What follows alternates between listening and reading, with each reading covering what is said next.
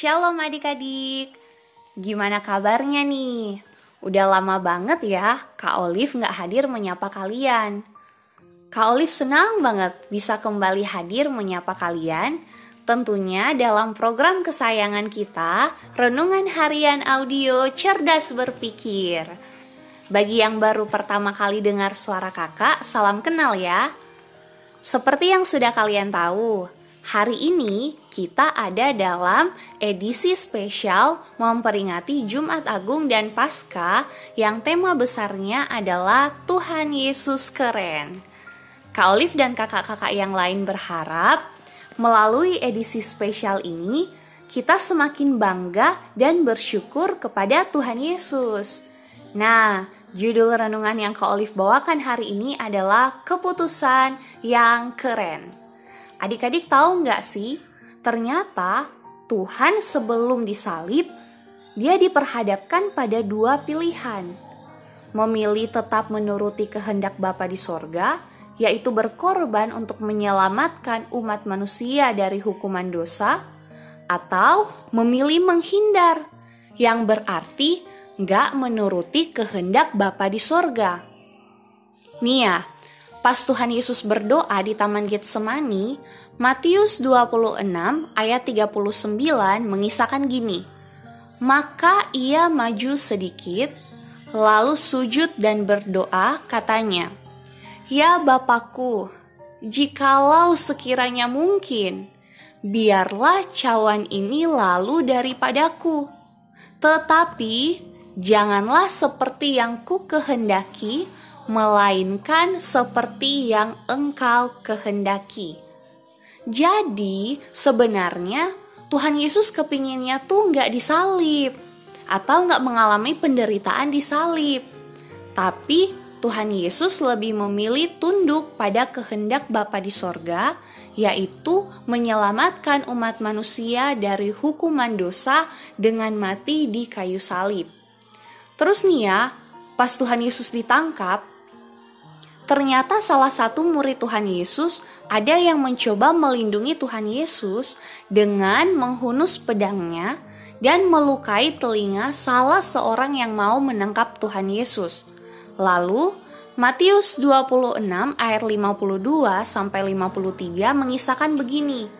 Maka kata Yesus kepadanya, "Masukkan pedang itu kembali ke dalam sarungnya, sebab barang siapa menggunakan pedang, akan binasa oleh pedang. Atau kau sangka bahwa aku tidak dapat berseru kepada Bapakku supaya ia segera mengirim lebih dari dua belas pasukan malaikat membantu aku? Jadi sebenarnya adik-adik, Tuhan Yesus pas ditangkap tuh bisa aja melawan. Tapi Tuhan Yesus nggak lakukan itu. Dia lebih memilih tetap bersedia ditangkap dan disalib dia lebih memilih tetap tunduk pada kehendak Bapa di sorga.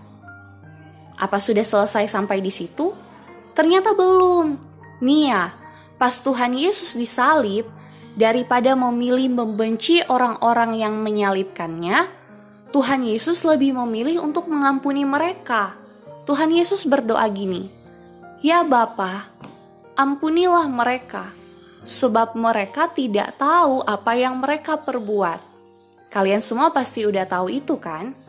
Hmm, jadi sebenarnya pas Tuhan Yesus harus menghadapi penyaliban, Tuhan Yesus diperhadapkan pada pilihan lain, yaitu pilihan untuk nggak mau disalib. Tapi Tuhan Yesus lebih memilih taat kepada Bapa di sorga. Filipi 2 ayat 8 kasih tahu kita tentang Tuhan Yesus gini. Dan dalam keadaan sebagai manusia, ia telah merendahkan dirinya dan taat sampai mati, bahkan sampai mati di kayu salib. Tuhan Yesus mengambil keputusan yang keren. Ia memilih tetap tunduk pada kehendak Bapa di sorga. Seperti Tuhan Yesus mengambil keputusan yang keren tersebut, kita pun harusnya demikian adik-adik Tentu porsi kita nggak sebesar Tuhan Yesus. Semua ujian kehidupan yang kita hadapi pasti sesuai dengan porsi kita masing-masing. Nah, pas kita menghadapi ujian kehidupan tersebut, kita diperhadapkan pada dua pilihan: memilih sikap yang tepat sesuai dengan tuntunan Tuhan, atau memilih sikap semau kita sendiri. Misalnya, pas kalian menghadapi ulangan di sekolah dan soalnya susah-susah nih, kalian diperhadapkan pada pilihan untuk tetap jujur atau pilihan untuk menghalalkan segala cara demi mendapat nilai bagus. Kalau mengikuti teladan Tuhan Yesus, harusnya kalian memilih untuk tetap jujur. Itu baru keputusan yang keren. Atau nih, teman kalian melakukan sesuatu yang bikin kalian kesal banget. Dan lama-lama kalian bisa membenci dia. Nah, di situ kalian diperhadapkan pada pilihan untuk membiarkan kekesalan tersebut terus tumbuh menjadi kebencian atau memilih untuk berusaha mengampuni. Kalau mengikuti teladan Tuhan Yesus, pasti kalian tahu gimana mengambil keputusan yang keren. Oh iya, kalian tetap harus hati-hati juga ya. Jangan juga kalian sampai membiarkan diri kayak ditindas teman kalian. Sesekali boleh juga teman kalian dikasih pelajaran, tapi bukan dalam rangka membalas dendam atau mengungkapkan kekesalan lo ya. Ya intinya kita akan selalu menghadapi ujian kehidupan.